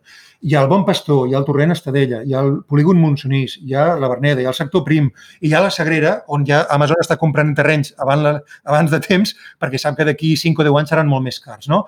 Qui, qui ho fa, això? Amazon. Qui compra terreny? Amazon. Amazon, Amazon. perquè com hi haurà l'estació intermodal de la Sagrera, serà molt potent des del punt de vista de mercaderies i de persones, és un centre Clar. fonamental. No? És que un moment, deixa que et pari aquí. De, de les dues coses que has dit, els dos espais que, que acabes d'assenyalar, són espais tradicionalment de gent, de gent humil o pobra, com tu dius, molt desballestats, diguem, amb polígons i coses una mica sense gaire Mhm. poc vertebrats, i que, per tant, des d'un punt de vista, diguem, de l'operació comercial, són molt sucosos, és a dir, que poden fer, diguem, que tot aquest món de Barcelona que ha viscut tota la vida, diguem, una mica de pentinar el gat, diguem, hi vegi una oportunitat de fer operacions especulatives, però que una cosa és fer l'operació especulativa, és una mica el que va passar al 22 arroba i el que va passar moltes coses de les Olimpiades de la Barcelona del Maragall, que tu pots fer l'operació i dir que allà faràs, faràs i faràs, però que després allò no acabi de concretar-se de tot, del tot o en res, per motius, allò que et deia, no? de cultura política, de discurs polític, etc etc. És només, jo perdona que et faci d'advocat del diable, eh? però No, no, no, no dir, sí, perquè- ho entenc, ho entenc. perquè- I- i sé que aquestes coses tenen un pes fort, però la meva responsabilitat com a tècnic, oi? Val, val, sí, I, sí. i eh, analista i dissenyador urbà és proposar solucions. Jo després, Val, val. si, Sí, sí, si sí. em pregunten a títol personal, jo puc dir les meves opinions pol- polítiques, no? I Val, puc val, ser val. inclús molt dur, si vols, eh? però... No, no, però, no, no ja, ja faig el paper. Només Sí, no, que... i- Val, val. i en- entenc, entenc que hi ha limitacions objectives, però hi, hi ha un cas, eh, el, el cas de Kendall Square és, és un bon exemple, perquè eren, eren uns antics eh, barris de magatzems industrials, perquè al principi MIT, que era conegut com Boston Tech al segle XIX, ja va néixer amb una ambició molt gran. I no va ser fins al 1916 que el campus de MIT va passar del centre de Boston al nou campus de Cambridge, davant del riu, que és el que tothom coneix a dia d'avui, no? amb aquell dom, eh, doncs amb aquella distribució eh, de, de, de campus on els diferents departaments estan connectats entre si, etc etc. no? que té un element neoclàssic, un element més modern. Doncs Una de les visions és que quan es va eh, desenvolupar aquest primer campus, eh, allí, a l'època dels anys 60, el president Kennedy volia fer el nou campus de la NASA, no? d'enviar l'home a la Lluna, aquesta visió tan ambiciosa dels americans en aquell moment. No? Com Kennedy el van matar, eh, i el que va entrar era Johnson, que era de Texas, i una visió molt diferent de la vida i de tot, um, va, va decidir fer un canvi estratègic i enviar al campus de la NASA, com sabia que això durant molts anys generaria, generaria una activitat econòmica descomunal, enviar-lo a Houston, perquè ell era de la zona d'Austin, no? Llavors es va fer el campus de Houston, que és conegut. Llavors, aquell campus de Kendall Square va quedar un erm, va quedar eh, com si fos un paisatge lunar. Eh? Era, fins als anys 80, Enric, fa quatre dies, a finals dels Mhm. 80, la, la, una noia o una persona gran o un nen no, no hi passava per la nit allà, perquè hi havia por que t'atraquessin. No està tan lluny, a més a més, de la zona de Mystic River, si recordes aquella pel·lícula de Boston, de Mystic Sí, River. i tant. És una pel·lícula molt bona que no, la no està tan lluny, és d'aquesta zona de Chelsea al nord, on que la majoria són barris normals de treballadors, però hi ha una zona que és una mica més marginal i on hi ha més crim, no? I coses més... És una pel·lícula molt, bo, és una pel·lícula molt bona i molt dura i que t'explica eh, això, les limitacions objectiv, objectives de les coses. Escolta, hem dit, la, hem dit la zona de Badalona de les Tres Xamanelles i la Mina, Sí. la zona de la Sagrera, quina és l'altra? L'altra? Zona és la zona del, del 22 arroba la seva fase final, que és la zona de Diagonal Val. Mar. És a dir, Val. eh, eh, o sigui, un cop ja s'ha fet per Aquari Cristóbal de Moura, que ja el 75% està desenvolupat del 22 arroba, tota la zona est, que és la més propera, per cert, a Badalona i les Tres Xamanelles, és a dir, que estan entre si relativament propers, um, hi ha una zona que és on s'hi ha col·locat el nou campus de la UPC, que allí s'hi vol fer, per exemple, molta recerca en el sector de, del disseny industrial, de productes industrials de qualitat, que vinculin la forma amb els materials, amb el disseny, amb les indústries creatives, amb la digitalització i amb la indústria a, a escala no? i la robòtica. Per tant, aquí hi ha un camp per recórrer molt gran. Després, hi ha tot un Val. camp... Eh, què s'hauria... Un dels elements... Deia això de, de Kendall Square, per fer-hi matís, és que un dels mot- motius per als quals va passar els anys 80 ser una zona espai lunar a tenir èxit és perquè no només eh, s'hi va fer una ampliació al campus d'MIT, no només s'hi van col·locar inicialment 4 o 5 companyies potents tractores que volien estar a prop de la universitat, sinó que el gran encert que es va fer llavors, que no hi és a Catalunya quasi enlloc, és que es va fer, MIT sobretot, van fer un esforç de fer una, una xarxa, de, una constel·lació de plataformes de transferència de coneixement que vinculava la recerca amb el món privat. No? I això és el que permet que avui en dia, i faig un petit detour i tornem al tema de Barcelona, eh, han tingut tant d'èxit, sobretot en els 40, últims 40 anys, MIT és un cas espectacular dels efectes multiplicadors, perquè són encara més grans que el premig dels 50 de més èxit dels Estats Units. No? Com És ho han que- fet també, com ho han fet també, com han sapigut vincular tant, és a dir, hi ha un line of sight, hi ha una visió, hi ha, tu arribes allà i hi ha un sentit de possibilitat. Tu saps que tu tens una bona idea, hi haurà alguna avinguda que et permetrà tu eh, seguir caminant, perquè hi ha aquesta visió una mica més del taller, on tu estàs en un garatge, per entendre'ns, i amb un grup de 3 o 4 amics eh, pots compartir idees, idees treballar-les, refinar-les, i allò pot, eh, pot arribar a algú que valori, eh, que, que en un sentit meritocràtic, la qualitat de la teva contribució i t'ajudi a treure endavant. Això avui en dia a Barcelona és molt difícil. I el motiu No, més... eh. I vull fer un matís, eh, Enric? Vull fer un matís. Sí, perquè és- la gent se'n va molt ràpid, el la gent se'n va molt ràpid, els diners i el sistema financer. Avui en dia, el, el, el, el reactiu limitant, per fer una metàfora química, per l'economia del coneixement no és el finançament i s'han fet la tercera ronda, sèries B, sèries no. C, i s'han No. atacat 10 o 15 milions de dòlars o d'euros o, de, o de rúpies o el que sigui. El, el reactiu limitant és el talent i les persones i les idees. És el reactiu I la, limitant. jo vull insistir en això de la política. Això que dius de la transferència del coneixement, jo, vaig, jo recordo el, a, la, a la Ramon Llull fer un article sobre això quan se'n començava a parlar a començament dels 2000. I després he vist com també era una altra idea que anava s'anava disgregant i s'anava evaporant en el no-res. No, no, no, jo ho dic perquè per transferir coneixement, l'has de transferir, eh, la, la, la transferència de coneixement a la societat té unes conseqüències. Té unes conseqüències empoder, empoderadores per a la societat a la qual es transfereix aquest coneixement. Sí, i té unes conseqüències- gaire, però sí, sí. No, clar, i té unes conseqüències polítiques. Hi ha estudis, eh, diguem, en què es vincula, el, i això ara no està de moda, però jo recordo, el Boix tenia un, un estudi sobre això, en què es vinculava la democràcia amb, la, amb, la, amb, la, amb, el, amb el progrés, diguem, el, el, el progrés econòmic, la revolució industrial, els, els països avançats, amb els valors democràtics. Justament perquè una cosa i l'altra normalment van molt lligades. Ara la Xina, diguem, ha trencat aquesta, com ho diríem això, aquesta simbiosis o aquesta idea de que són dues idees lligades sembla que ho ha trencat i, per tant, no està de moda dir-ho. Però era una cosa que... No, però és evident, Enric. És a dir, és a dir quan, quan una societat, eh, eh, dins d'aquesta cosmovisió, un dels valors principals és la llibertat i és, i és el, la valoració del mèrit, això en vol el dir... món que ve, en el món que ve no està gens clar que acabi sent evident. Entre altres coses, tu has dit molt bé al començament. Has dit, els Estats Units van pactar amb la Xina quan s'estaven morint de gana, bàsicament, ho has dit així, Sí. i ara, clar, ara són... Ha sortit un econòmica, monstre. Sí. Sí. I ha sortit un monstre. No ho has dit, eh, diguem, ho has dit implícitament. Llavors, jo l'única cosa que dic és, ho dic perquè quan parlem de transferència del coneixement, això té unes conseqüències polítiques, que si no Sí, però són s'absorbeixen... positives, Enric, són positives. És a dir, eh, avui en No, dia... no, per, eh, el quart... Ramon, per, Ramon, per tu són positives. Per Espanya no ho sé. Jo que et dic és que això té unes conseqüències polítiques que si no s'absorbeixen, que si no s'absorbeixen, reboten i peta tot pels aires. Vull dir que és una cosa que s'ha de tenir present, però és que tothom, o sigui, la gent que mana ho ha de tenir present. A, a Barcelona i a, i a Madrid i a, i a Europa. Per, ho dic perquè el tema de Barcelona no és una cosa... Per posar un exemple, que, que, que d'això se'n només els molt, catalans. Eh? Sí. No, no, i en- entenc el que vols dir, eh? però a, a part d'aquests tres, d'aquest triangle, que en certa mesura s'assembla a una altra escala al triangle de la innovació que hi ha a Carolina del Nord, a Carolina del Nord hi ha un ecosistema d'innovació molt, molt, uh, molt interessant, que és el triangle entre Raleigh, uh, Durham i Kerry. No?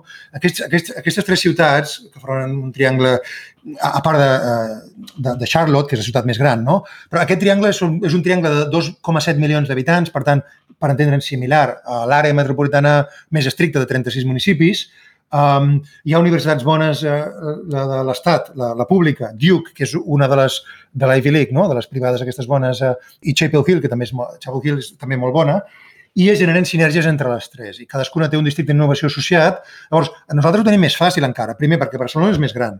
Segon, perquè aquests tres eh, districtes que tenen els seus polígons interns mig desballestats estan molt més propers.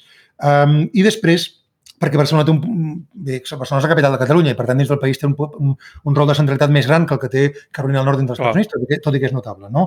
Llavors, um, a, a part d'aquests tres que poden jugar un, un rol essencial, hi ha tota la zona de la Diagonal Nord que, que, que allí hi ha un munt de- d'ineficiències que fan mal a tothom. És a dir, Barcelona, conforme es van evolucionant, no? o sigui, la ciutat de Petit Món, ibèrico-romana, visigòtica, um, Mhm. eh, segueix el patró de Petit Mont, la ciutat de l'Eixample i Sant Martí el patró fractal, la ciutat de les Corts és un sistema monumental una mica hortera de l'època de Primo Rivera, i això, però ja, ja ens entenem, Sargara Sant Gervasi és una barreja entre el radial orgànic, llavors, eh, gràcia entre lineal orgànic, etc. conforme ha anat evolucionant, però si nosaltres tenim, eh, apliquem eh, en aquesta estructura una visió de malla fractal, de ciutat fractal, per tota la regió metropolitana de 5 milions de persones, això serà potentíssim, perquè ens permetrà tenir una sèrie de nodes connectats entre si, complementaris entre si, que s'ajudin entre si, que això s'ha vist fins i tot a la Xina. Eh? A la Xina, un dels avantatges que ha tingut en, el seu cas la creació dels sistemes d'aparells de ciutats amb alta velocitat és que aquelles ciu- les ciutats no han perdut el seu carisma, l'han reforçat. I aquella ciutat Clar. que era un centre financer ho, ho ha seguit sent, però ampliat. Aquella ciutat que era un centre d'investigació o de recerca ho ha seguit sent ampliat. Aquella ciutat que ha sigut un centre de manufactures industrials ho ha seguit sent ampliat. Aquella ci- ciutat que ha sigut un nodo cultural i tal. Llavors, eh, polític, el que sigui simbòlic, ho ha sigut encara més ampliat i s'han reforçat entre si. Llavors, però d'una manera perversa en aquest cas, no? La idea és fer-ho aquí amb llibertat i d'una manera civilitzada. Llavors, aquest triangle, aquest triangle que hi ha en aquesta zona del sud-est de la ciutat que està infradesenvolupat i a més a més ells sempre es queixen, no? La, la gent del Besòs respecte al Llobregat, doncs que el Llobregat ha sigut molt més ha rebut molt, ha sigut molt més mimat en línies generals, políticament i de tot, i ells no han, els han sigut abandonats de la mà de Déu, no? Això d'una banda. De l'altra, a la zona de la Diagonal Nord, Um, allí hi ha unes ineficiències perquè tu tens la UPC, que és la, la universitat que genera no només més patents i invencions de Catalunya, sinó de tot l'Estat, i que són patents que en la majoria dels casos no van enlloc tant al, del campus nord de l'UPC, no? de la Diagonal, com del campus sud, eh, tu allí tens de tot, no? telecos, camins, arquitectura, eh, industrial, sí, sí. etc., totes les escoles d'enginyeria, tal, les noves... Llavors, tens gent, talent en el professorat, amb els investigadors, amb la recerca i amb, i, i amb els propis alumnes, que es podria generar un ecosistema potentíssim. Tu tens a dos minuts caminant ESADE i a cinc minuts caminant l'IS i aquestes tres institucions no es parlen entre si. O sigui, no tenen res a veure, no? Res a veure. I, I ni ho volen saber. Vull dir que no hi ha cap sinergia. Hi ha una possibilitat de fer també a la zona de l'alta diagonal una distribució de centres de transformació de transferència de coneixement que vinculin aquesta visió més pragmàtica de negocis i d'aplicació en el món real um, i d'una manera competitiva en la societat de l'IS i de SADE, no? juntament amb l'UPC, que això avui dia no existeix. Aquí es podria fer una intervenció potentíssima a la zona nord de la Diagonal. No?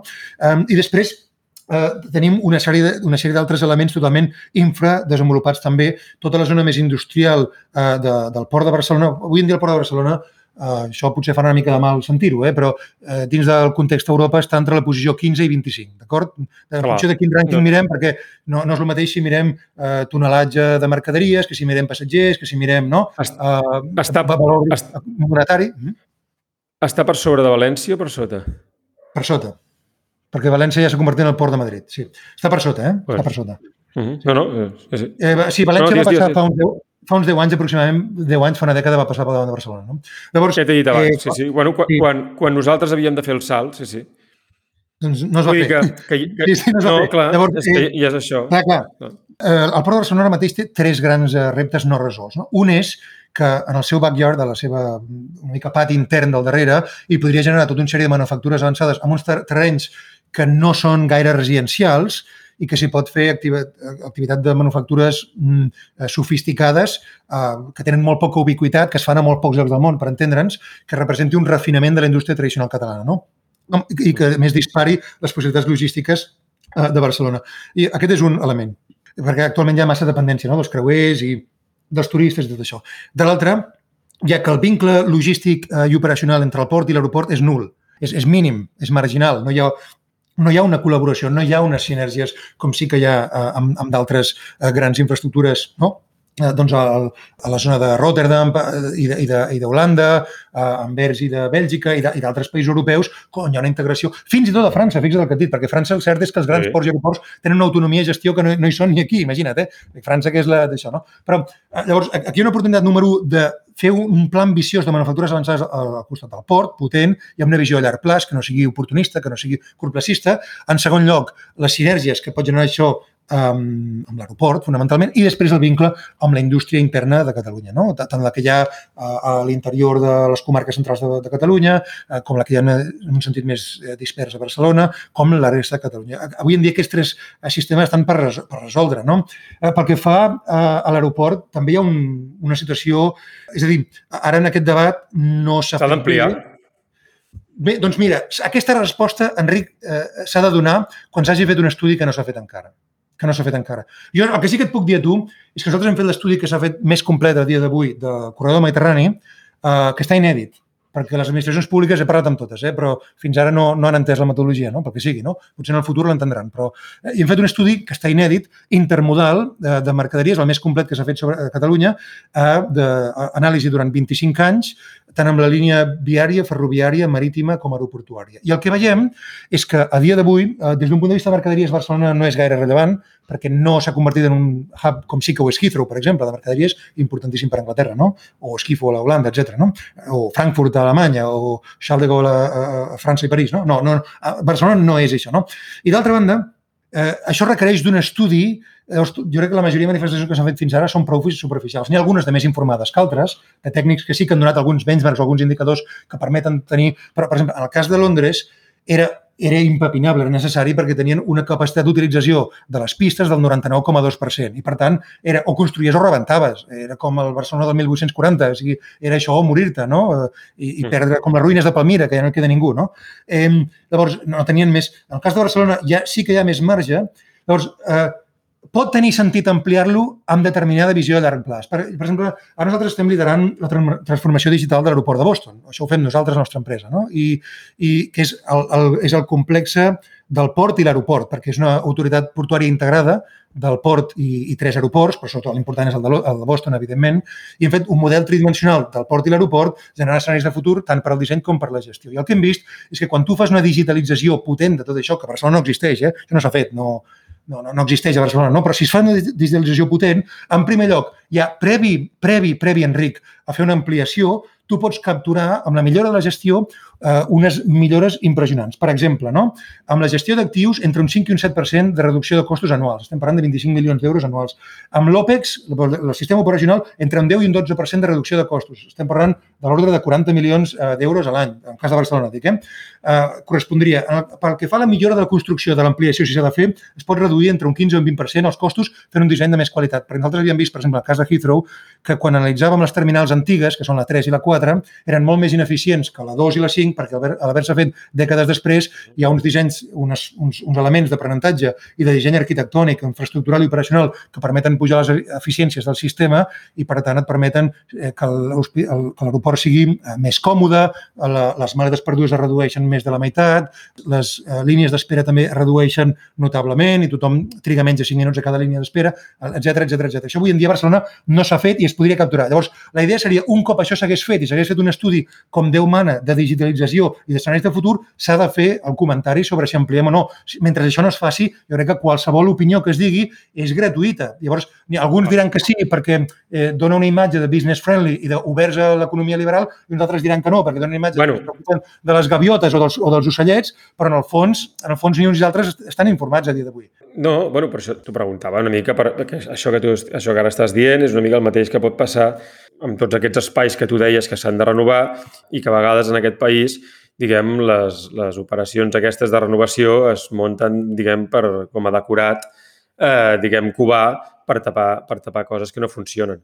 Només ho deia per això. Escolta, hem parlat de l'espai, moment, hem parlat de l'espai de la mina, de les tres xemeneies i la mina, de l'espai de la Sagrera, de l'espai de Diagonal Mar, hem parlat de la Diagonal Nord i, diguem, aquesta mena de, de, de reunió, diguem, d'universitats que no s'acaben de parlar entre elles, i hem parlat del port de, de Barcelona i del seu nou vincle, nou vincle amb l'aeroport.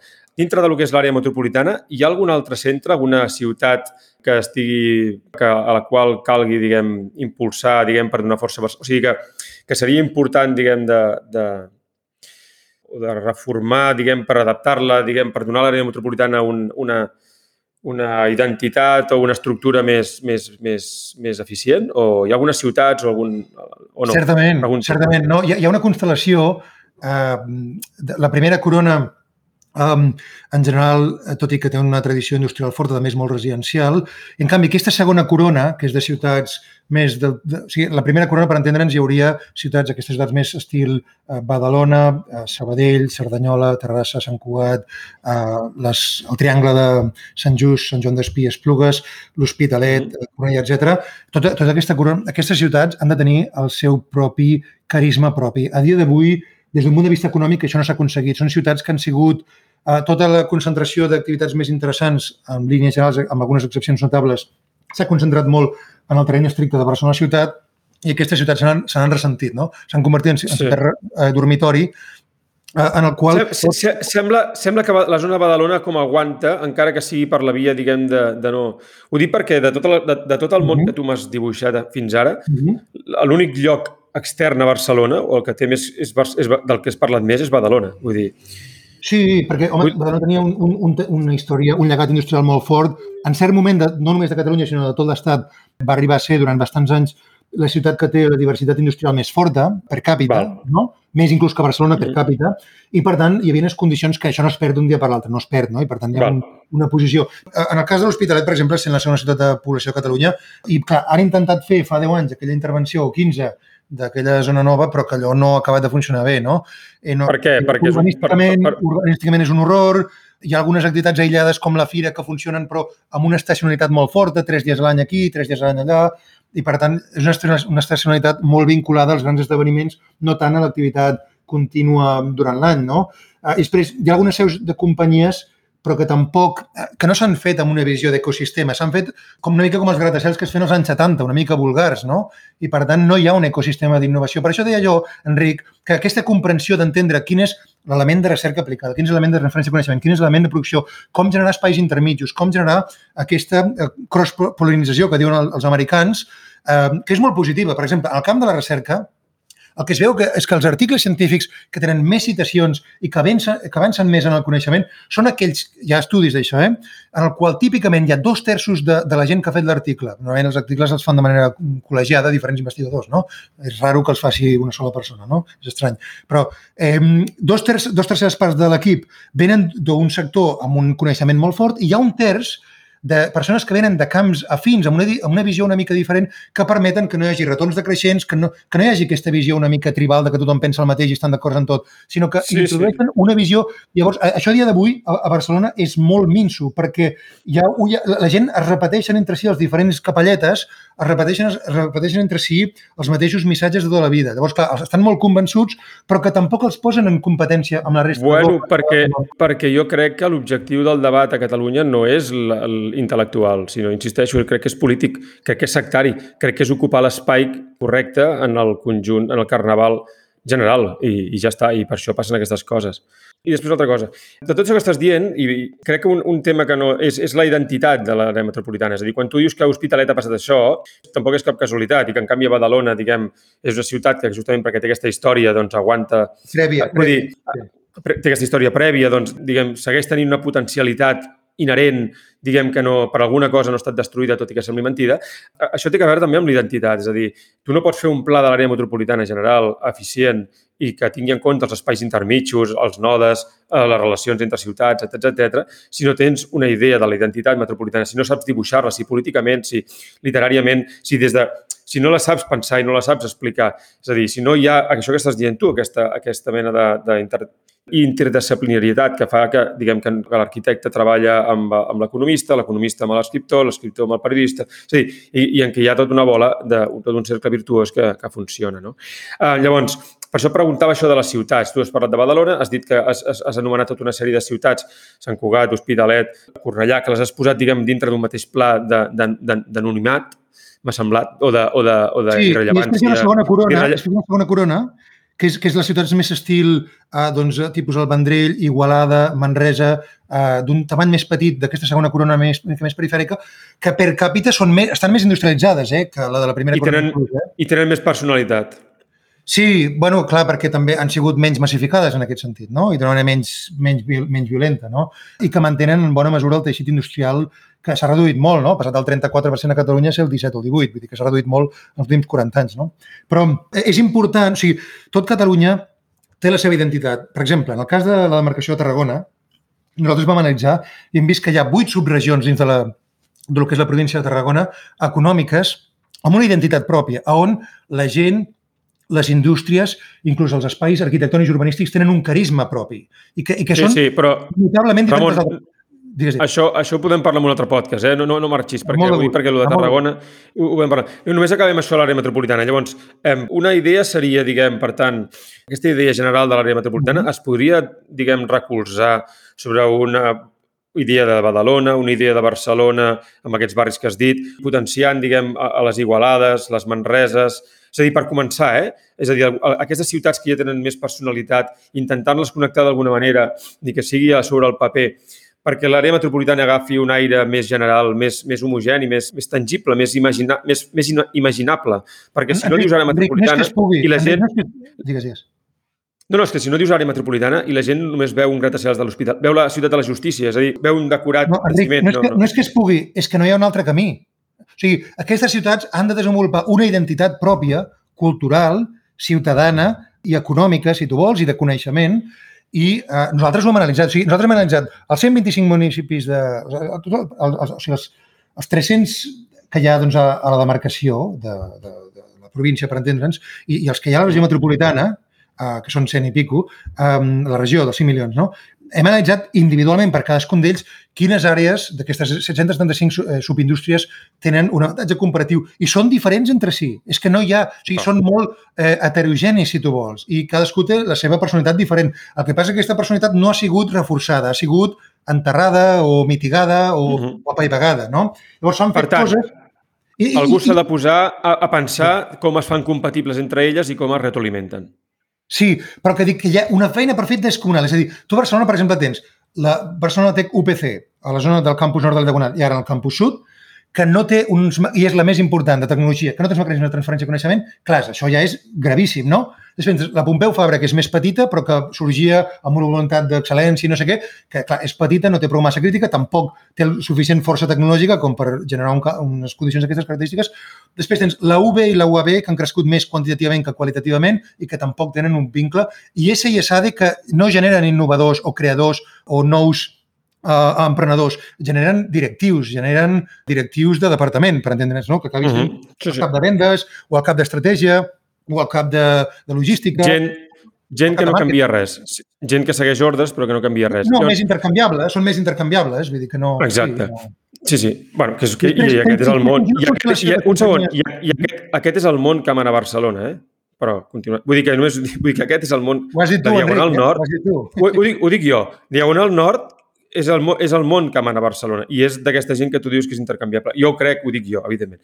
Digues, digues, què més? Llavors, hi ha sortit de contracció d'universitats eh, privades com la Salle, a la Bonanova, no? de casa meva, eh, l'IQS, també a la Bonanova, o la Ramon Llull, etc que tenen en alguns camps professors interessants i tal, però que tampoc tenen... La Salle ha intentat fer un cert esforç, de, però que a dia d'avui, jo, jo parlo a dia d'avui, eh, no dic que no pugui ser... Llavors, totes aquestes universitats públiques i privades, on hi ha gent amb bones idees i tal, eh, això no té una arribada. I com no té una arribada, això genera frustració per la part de la recerca i genera estancament per la part de la indústria i genera una manca doncs, d'aquesta doncs, tensió creativa que hi ha d'haver entre les noves idees i l'execució. Si no hi ha una tensió creativa, si no hi ha una competitivitat sana, eh, saludable, les economies no tiren. I això el que fa és que, en últim terme, a la regió, regió metropolitana de Barcelona hi ha els grans eixos de coneixement, per entendre'ns, l'automòbil de Martorell, no? de la zona nord de, de, del, del, del, del riu, etc. Uh, uh, uh, depèn de, de, dels industrials alemanys, en últim terme, no? igual que la indústria química de Tarragona. El, el, el sistema farmacèutic, que sí que és més autònom barceloní o català um, i que té un teixit més propi durant dos segles, i tu, si tu vols podem anar més enrere, però és un teixit uh -huh. atomitzat en el territori i que no... I llavors, quan un està molt atomitzat, això que acaba succeint és que es generen incentius de que ells es perceben no, com no prou competitius com per estar en primer línia de primer nivell mundial, com són Suïssa, com són Bèlgica, com són uh, Suècia, com són els Estats Units en aquest camp, o Canadà, i per tant acaben venent l'empresa familiar. Això és un risc gran que hi ha eh, de les empreses farmacèutiques. Per tant, hi hauria d'haver una concentració eh, geogràfica en dos o tres pols. Ara mateix està el sector farmacèutic dividit en 8 o 10, eh? la, la metropolitana de Tarragona, i això fa molt, molt de mal. No? Uh, I com això tot, com això tot. Llavors, Val, es... Digues. No, no, vull dir, perquè hauríem d'anar acabant. Només eh, acabar el que hagis de dir. Jo ho dic perquè llavors després podríem fer un altre podcast parlant de, de, de Tarragona i de Lleida. Vull dir, per, per, per introduir també tot el tema aquest de les Olimpiades, aquest que han, han tret ara i tot això. Ho dic sí, per contraposar una mica els discursos, el, més, els discursos més que es fan... Sí. No, i per veure com, com tot això que tu estàs explicant, diguem, es, es encaixa en un discurs més general sobre, sobre el Principat, sobre els diferents els interessos dels territoris de, de, de Catalunya. Clar, I no? sobretot perquè en el, moment en què, el moment en què tu poses aquesta peça intermitja de la transferència de coneixement, generes un incentiu on el valor i la llibertat i la qualitat prima sobre la quantitat o prima sobre l'obediència perversa, per entendre'ns, l'obediència covarda, això genera aquesta tensió creativa i el, el que veiem és que si després això ho acompanya una arquitectura de qualitat on la distribució no només de la topologia i de la morfologia, sinó també de l'entropia, és a dir, el nivell d'ordre dels espais sigui adequada, que en alguns sectors d'indústria serà diferent que altres. Posaré un exemple, no? Nosaltres treballem al Centre d'Innovació de l'Universitat de Harvard i uh, hi ha una sala que una mica uh, la tenim com a emblemàtica perquè li diem l'iglú, perquè té forma d'iglú, no? I moltes vegades allà juntem tres o quatre de l'equip per fer sessions de brainstorming d'idees on, on hi ha un repte i, i és de la, jo crec que és de la part més valuosa de la feina que fem, que és quan afrontem un repte i de manera doncs, creativa, rigorosa, doncs, hi ha una, un procés doncs, de, discus, de discussió d'idees, eh, doncs, de crear unes hipòtesis, generar unes hipòtesis de tipus secundari, eh, generar eh, un, una primera hipòtesi doncs, per un prototip, eh, com, com hauríem de validar, de, de, de validar, com hauríem doncs, de, com, de comprovar de manera rigorosa amb dades del món real i, per tant, descartar aquelles que no tinguin sentit i validar aquelles que tinguin sentit i desenvolupar-les més endavant. I, i eh, hi ha un, una distribució d'espais on hi ha un equilibri entre els espais més propis de, per aquesta creativitat i aquesta explosió d'idees més mm, eh, oberts a l'exploració de noves idees, hi ha uns altres espais més propis de la comunicació i de la gestió i uns espais més propis de l'execució. Estic simplificant una mica, però de les tres grans famílies d'espais arquitectònics que hi ha en el camp professional.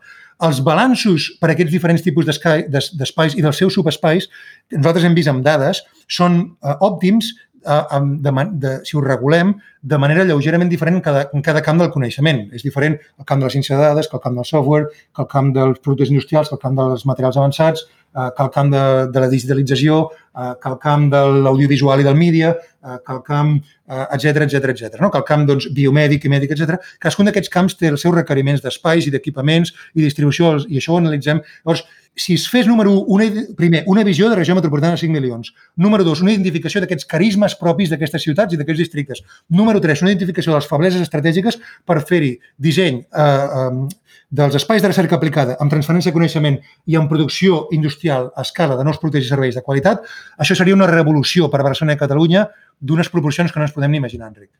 Perfecte, no estic totalment d'acord amb tu. De fet, ara podria explicar més històries personals relacionades amb tot això que estàs dient.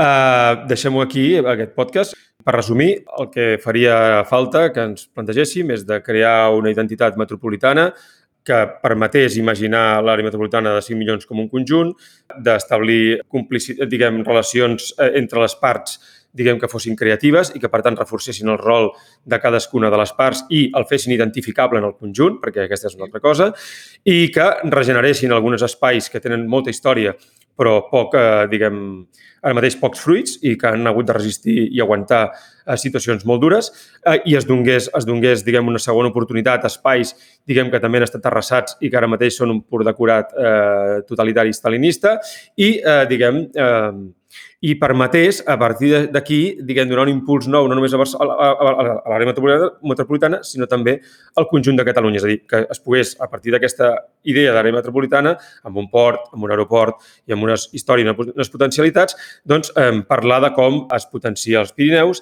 de com es potencia, diguem, l'àrea de l'Empordà i tot això, la Catalunya central, i com ens relacionem amb el País Valencià, amb les illes, amb Itàlia, amb el sud de França, amb Europa, amb el món, etc etc etc. I a escala, i a escala individual, Enric, això tindria dues grans conseqüències molt positives. Una, que afavoriria una mentalitat, una cosmovisió d'individualisme solidari, en el qual cada persona té una identitat pròpia, però que alhora també se sent part d'un col·lectiu que el protegeix, que li dona oportunitats i que n'està orgullós, perquè tota societat es defineix per com tracta els seus més brillants i els seus més febles. Si una societat no dona ales als més brillants i, i per tant, eh, reconeix el valor i la, i, i, i, la, i la valentia i, i, el, i, i, el, i el mèrit i alhora protegeix d'una manera respectuosa, no paternalista, respectuosa als a les seves persones més febles, és una societat eh, deshumanitzada. I, per tant, no, permetria alliberar el talent i augmentar la qualitat de vida per tots els ciutadans. Mm -hmm. I descomprimir una mica la situació política en la qual, en la qual estem. Molt bé, doncs escolta, eh, tenim pendent el podcast de la Guerra Civil eh, i tenim pendents aquests altres podcasts, un sobre Tarragona, un altre sobre, sobre Lleida, o un sobre Tarragona i Lleida, i un altre sobre l'Empordà i Catalunya Central. bueno, ja ho anirem organitzant. Um, aturo aquí l'enregistrament i fins la propera, Ramon. Moltes gràcies. Excel·lent. Play it, Sam. Play as time goes by. Oh, I can't remember it myself. I'm a little rusty on it. I'll hum it for you.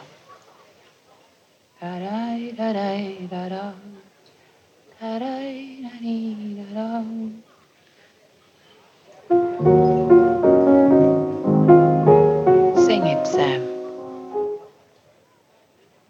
You must remember this. A kiss is just a kiss. A sigh is just a sigh. Fundamental things apply as time goes by.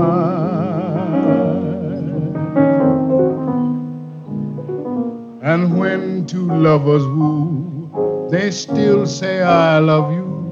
On that you can rely. No matter what the future brings.